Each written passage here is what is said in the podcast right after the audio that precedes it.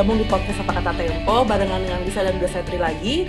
Uh, udah, ini kemarin uh, ada berita duka ya. Kita mendapatkan berita duka gempa Cianjur menewaskan lebih dari 330 orang dan ini gempa susulannya masih bermunculan gitu ya. Kemarin hari Minggu sempat ini ya uh, ramai di media sosial udah kalau Gunung Semeru itu kembali erupsi. Padahal uh, baru setahun lalu Semeru juga erupsi nih udah. Jadi kita semua berdoa uh, membuka podcast ini dengan berdoa supaya kejadian ini lekas berakhir gitu ya dan tidak eskalasi, tidak nambah korban lagi ya, udah. Iya, Lisa. Jadi apa di tengah berbagai kondisi uh, COVID naik lagi, secara uh, kemudian ya, Uh, ujian datang lagi gitu. Jadi ya, betul. ya kita sangat paham hidup itu kan ujian. Itu kata orang-orang tua ya. dulu sih. Jadi memang ini momentumnya ya kita saling membantu ada empati, ada solidaritas bahwa yang menjadi orang yang uh, apa mereka yang korban gempa Cianjur, kemudian erupsi Semeru itu saudara-saudara kita juga. Jadi momentum-momentum ini tidak boleh kita lewatkan. Iya, jadi memang agak sedih ya kita memulai ini, cuman memang uh, sangat memprihatinkan sekali dan banyak banget. Aku sih banyak banget dapat ini ya yang kayak ayo yang mau sumbangan gitu kirim-kirim karena yeah. yang dibutuhkan tuh memang kebutuhan sehari-hari kayak misalnya pembalut, susu yang kayak gitu-gitu ya. Betul Lisa. Uh, lagi lagi ramai sekali gitu. Hmm. Um, Oke, okay, kita podcast kali ini nggak bahas bencana. Tadi uh, opening aja gitu ya, karena kita lagi berduka juga karena ada bencana alam. Cuman kali ini kita akan bahas uh, karena juga lagi ramai sepak bola ya, udah ya. Mungkin Piala ada yang begadang-begadang nonton Piala Dunia gitu kan, mau menjelang berapa nih babak delapan besar gitu ya. Cuma kita tetap fokusnya di uh, Indonesia karena lagi ramai banget nih udah perkara soal kandidat calon ketua umum PSSI. Nah, ini uh, hot topic juga karena salah satunya topiknya adalah tentu saja orang masih teringat sekali dengan tragedi Kanjuruhan yang kemarin uh, banyak pihak yang minta ya kalau PSS ini harus ikut bertanggung jawab karena um, sebagai apa ya entitas sepak bola tertinggi di Indonesia gitu ya. Dan salah satu permintaannya adalah meminta ketuanya yang sekarang uh, ini Pak Muhammad Iriawan untuk mundur gitu. Uh, jadi tim pencari fakta juga merekomendasikan PSSI supaya bikin uh, kongres luar biasa sebagai prasyarat supaya uh, pertandingan liga ini bisa bergulir lagi gitu. Nah, aku mau nanya juga nih sebenarnya apa nih udah rencana maksud maksud dari rencana kongres ini dan uh, apakah ini artinya Iwan Bule ya Pak Iri, Pak Muhammad Iriawan ini uh, bersedia mundur? Ya, Lisa, sebelum masuk ke substansi pertanyaan Lisa, uh, ini ironi kita ironi Indonesia. Jadi kita memang hmm. podcast kita ini ya podcast ironi sebetulnya.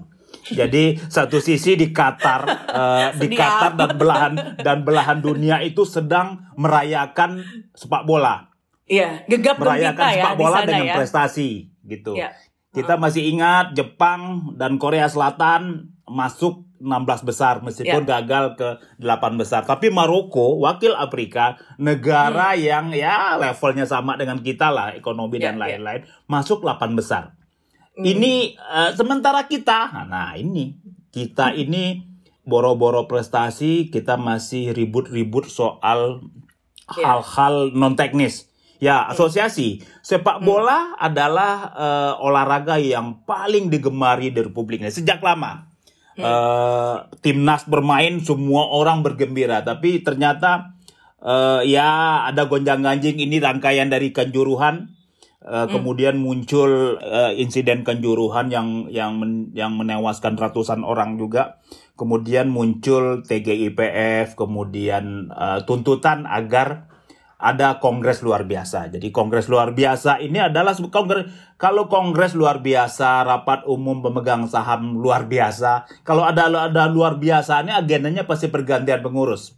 Hmm. Uh, kenapa ini dilakukan meskipun belum memenuhi syarat sebetulnya. Jadi menurut statuta PSSI, PSSI ini B, apa? Jadi semacam organisasi profesi ya, organisasi asosiasi sepak bola. Ada ada syarat KLB itu baru boleh diajukan jika 50% anggotanya, 50% itu ya klub Liga 1, Liga 2, Liga 3 yang jumlahnya 85 klub mm. atau 3 per 2 delegasi. Jadi asosiasi pemain dan lain-lain itu mengusulkan secara tertulis baru bisa KLB. Mm. Tapi eh, ini baru dua, dua itu satu Persis Solo, klub yang dimiliki oleh anaknya Pak Jokowi yang akan menikah. Yeah. yang akan menikah uh, Kaisang. Kaisang. Kemudian juga ada anaknya Erick Thohir di sana. Mereka mengusulkan secara tertulis KLB. Kemudian uh, Persebaya juga mengusulkan. Ta, uh, baru dua klub sebetulnya belum cukup, tapi karena uh, karena tim pencari fakta memberi syarat, liga kan berhenti sekarang nih pasca tragedi Kenjuruan. Syarat liga baru boleh dilakukan jika sudah ada KLB. Jadi KLB-nya nanti uh, Februari. Kemudian apakah ini tanda Iwan Bule mau mundur? Iya, karena ketika dengan KLB itu nanti ada ada periode uh, dia menyerahkan jabatan untuk dalam proses. Apakah dia mungkin masih akan maju? Sangat mungkin gitu loh karena karena di liputan kita pekan ini uh, yang judul covernya itu uh, gerilya berebut PSSI dia masih sangat uh, didukung oleh sejumlah pengurus pusat dan daerah gitu. Jadi itu agenda kongres nanti di apa di ya. Februari 2023 Lisa. Ya. Ini opini dari majalah Tempo uh, yang akan kita bahas di episode kali ini adalah judulnya menarik nih udah. Lepaskan sepak bola dari politik. Nah, ini kira-kira arah dari uh, pembicaraan kita hari ini ya. Udah ya. Jadi kabarnya ini uh, Pak Menteri Erick Thohir uh, populer nih, digadang-gadang maju jadi ketum uh, dan Tempo memiliki kekhawatiran kalau munculnya nama Pak Erick ini uh, juga ada kepentingan politiknya di dunia sepak bola kita gitu. Nah, emang uh, boleh dikasih boleh dikasih tahu nih mungkin udah PSSI selama ini syarat kepentingan politiknya apa aja gitu.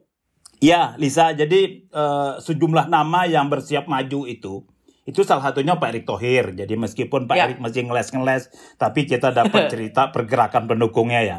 ya. Nama lain uh, Ketua Umum Partai uh, Perindo ya, Perindo itu Pak Haritanu Sudibyo. Jadi Ketua ya. Umum Partai juga. Ada sejumlah ya anggota eh, mantan pensiunan tentara dan lain-lain. Jadi yeah. Ya. uh, ini lebih, yo Pak Erick Thohir orang tahu Pak Erick Thohir sedang sibuk apa sekarang?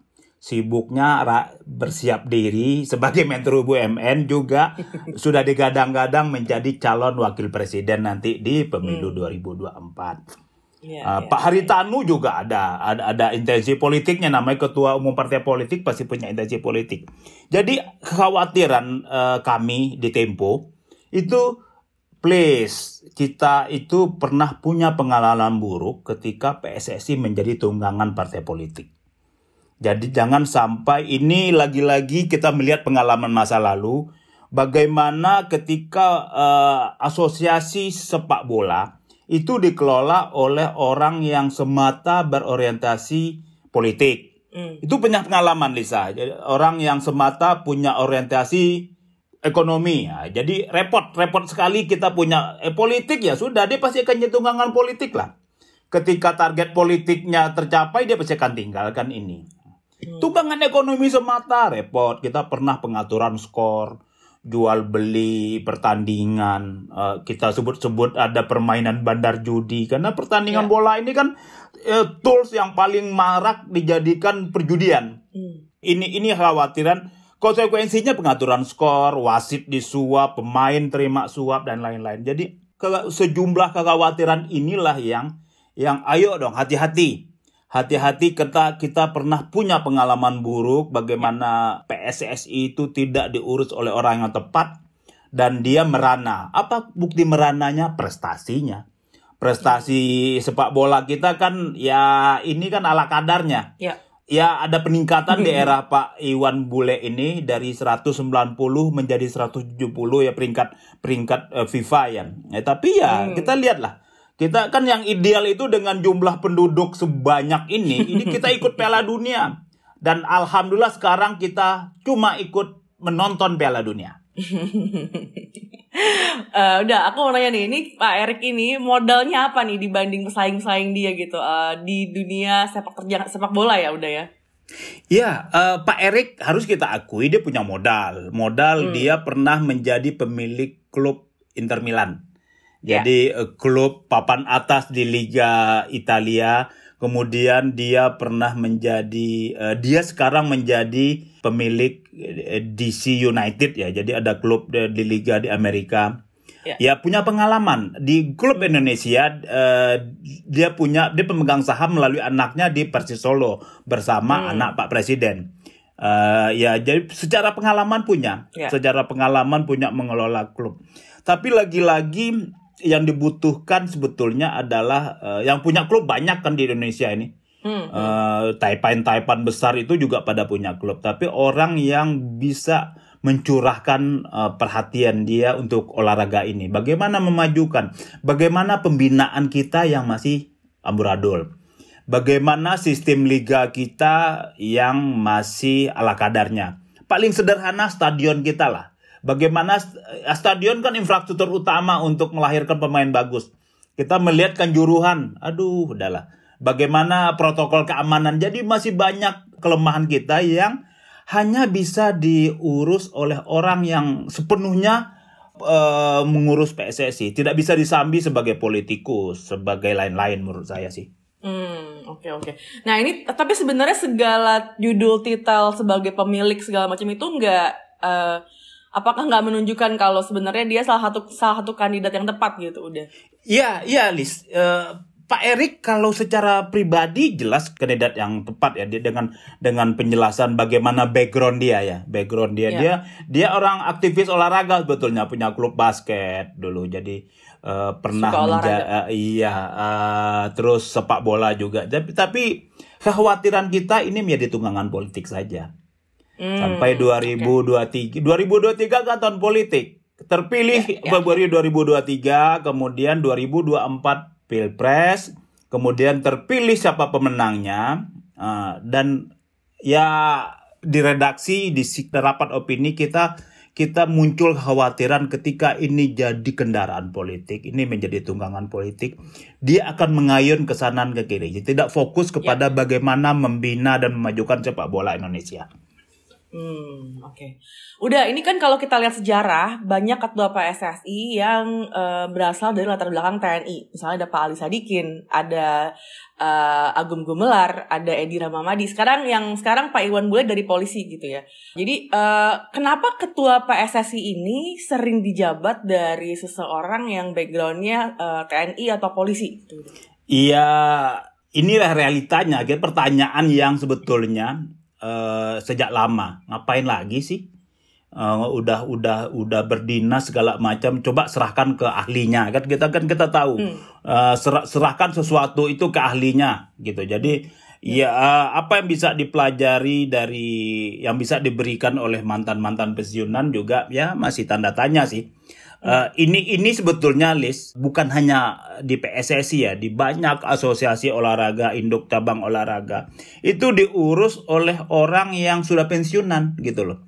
Sementara di negara lain itu diurus oleh profesional anak muda yang pikiran progresif dan lain-lain. Ini juga terjadi di PSSI sebetulnya. Kita kita ya tapi lagi-lagi kan ini uh, bahwa proses proses pemilihan ketua umum PSSI dan asosiasi olahraga lainnya ya kan demokratis nih. Hak suara ada di Asprof asisten uh, apa Asprof itu perwakilan PSSI di provinsi gitu misalnya ya.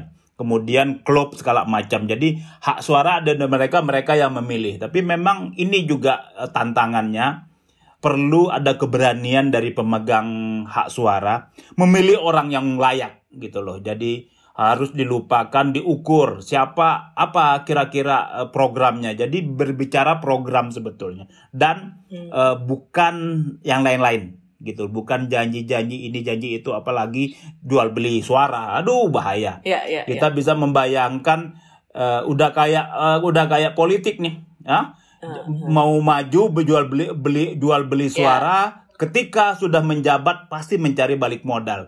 Cara balik modal yang paling mudah di ketika menjadi induk cabang olahraga serupa PSSI ini apa? Ya, jual beli pertandingan, pengaturan skor dan lain-lain. Dan ini kabar buruk yang sudah terjadi sejak lama dan yang mungkin menjadi faktor utama juga membuat sepak bola Indonesia itu jalan di tempat. Hmm, Oke. Okay. Nah, udah Uh, kan tadi disebut kalau Tempo punya kekhawatiran akan ada kepentingan politik gitu. Tapi apakah Tempo melihat Pak Erik ini tertarik jadi ketua PSSI uh, eh, dan sudah bergerilya menghimpun dukungan nih? Ya, kita wawancara Pak Erik ya, eh, wawancara hmm. Pak Erik Thohir. Ya, saya masih fokus mengurus BUMN.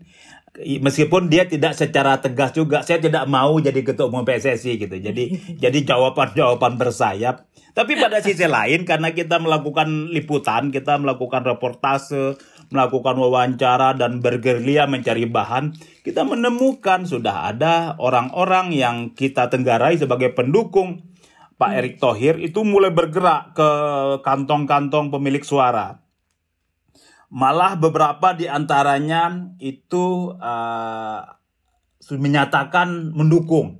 Salah satunya Semen Padang. Nah, ini juga bagaimana kita menghindari potensi konflik kepentingan. Semen Padang itu klub sepak bola, kampung saya Lisa, klub sepak bola yang dipiliki oleh BUMN mereka usung Menteri BUMN. Apa dong kita ingin katakan kalau tidak ada unsur konflik kepentingan? Meskipun Semen Padang itu adalah uh, sudah bentuk PT sendiri ya. Tapi makanya bagaimana eh, proses uh, apa kompetisi nanti uh, kontestasi pemilihan ketua umum PSSI itu berjalan secara sportif sama dengan olahraga jiwa-jiwa dan nilai semangat dalam olahraga sportivitas. Jadi please uh, penggunaan pengaruh uang, pengaruh jabatan dan lain-lain untuk merebut uh, posisi ketua umum PSSI sebuah posisi yang sangat strategis yang sangat-sangat diperlukan juga untuk kemajuan sepak bola Indonesia. Udah, kalau nanti Pak Erick terpilih jadi ketua PSSI, ini idealnya gimana? Apakah harusnya mundur dari kursi menteri uh, atau dia harusnya nggak nggak ikutan uh, pemilihan gitu. Jadi biarin kandidat lain yang uh, maju gitu. Karena ada juga menteri lain nih misalnya kayak Pak Erlangga Hartarto ini kan juga jadi ketua wushu gitu. Tapi kalau yeah. kalau PSSI mungkin lebih bergengsi atau lebih berpengaruh atau gimana gitu udah Ya, PSSI itu sepak bola adalah olahraga uh, yang paling banyak penggemarnya di Indonesia kemudian uh, yang berikutnya uh, bulu tangkis. Jadi dua itulah, hmm. uh, dua itulah yang yang sangat Kunci, sangat ya? diminati. jadi jadi kalau ingin uh, sekedar tujuannya adalah mendapat efek elektoral, berburu cuan elektoral gitu, uh, ya efektif gitu. Tapi betul pertanyaan Lisa tadi, idealnya memang kita harus serahkan asosiasi pengelolaan asosiasi olahraga serupa PSSI uh, eh, itu kepada profesional, nggak boleh disambi. Kita masih ingat kok dulu ketua umum PSSI ketika dijabat oleh Pangkostrat, Bapak uh, Edi Rahmayadi. Ketika terpilih menjadi sum, uh, gubernur Sumatera Utara dia tinggalkan ini. Artinya hmm. sulit kita katakan oh ternyata ini jadi tunggangan saja gitu. Jadi sayang banget ya jadi sepak bola yang begitu banyak peminatnya yeah. yang mengharu biru timnas sekarang itu aduh kalau kita hadir di stadion Lisa kita merasa bangga dan meskipun ini levelnya level Asia Tenggara. Kita bayangkan kalau itu hadir di Piala Dunia, aduh rasanya menangis darah karena bangga ya karena segala macam tapi ya kalau begini kondisinya asosiasinya uh, mungkin uh, tujuh turunan lagi kita nggak akan pernah masuk. Uh, jadi Piala Dunia lah gitu. Jadi jadi mimpi-mimpi kosong jadi ini kalau orang kita boleh milih kayaknya yang jadi ketuanya uh, Sintayong aja udah. Kayaknya banyak tuh yang bakal milih. Setuju. Setuju sekali itu. Dia jadi ketua aja deh. Sintayong kayaknya banyak yang pro nih gitu ya. Oke, demikian uh, podcast kita minggu ini. Uh, nggak kerasa nih kita udah di bulan terakhir 2022 dan Tempo lagi nyiapin apa nih udah untuk edisi akhir tahun? Ya, eh, biasa Lisa kita menyiapkan edisi tokoh Tempo. Jadi tokoh hmm. pilihan Tempo. Eh, teman-teman sedang sedang bergerak. Siapa yang akan kita pilih? Sabar, tunggu. Nanti akan kita muncul di podcast kita. Ya. Aku aku suka banget nungguin edisi akhir tahun Tempo karena banyak kurasinya udah selain tokoh pilihan gitu-gitu kan. Terus juga uh, award awardsnya juga menarik gitu. Jadi uh, aku sangat menunggu nih udah untuk edisi akhir tahun. Oke teman-teman, terima kasih sudah dengerin sampai akhir dan kita akan ngobrol lagi, jumpa lagi minggu depan. Stay safe and bye-bye.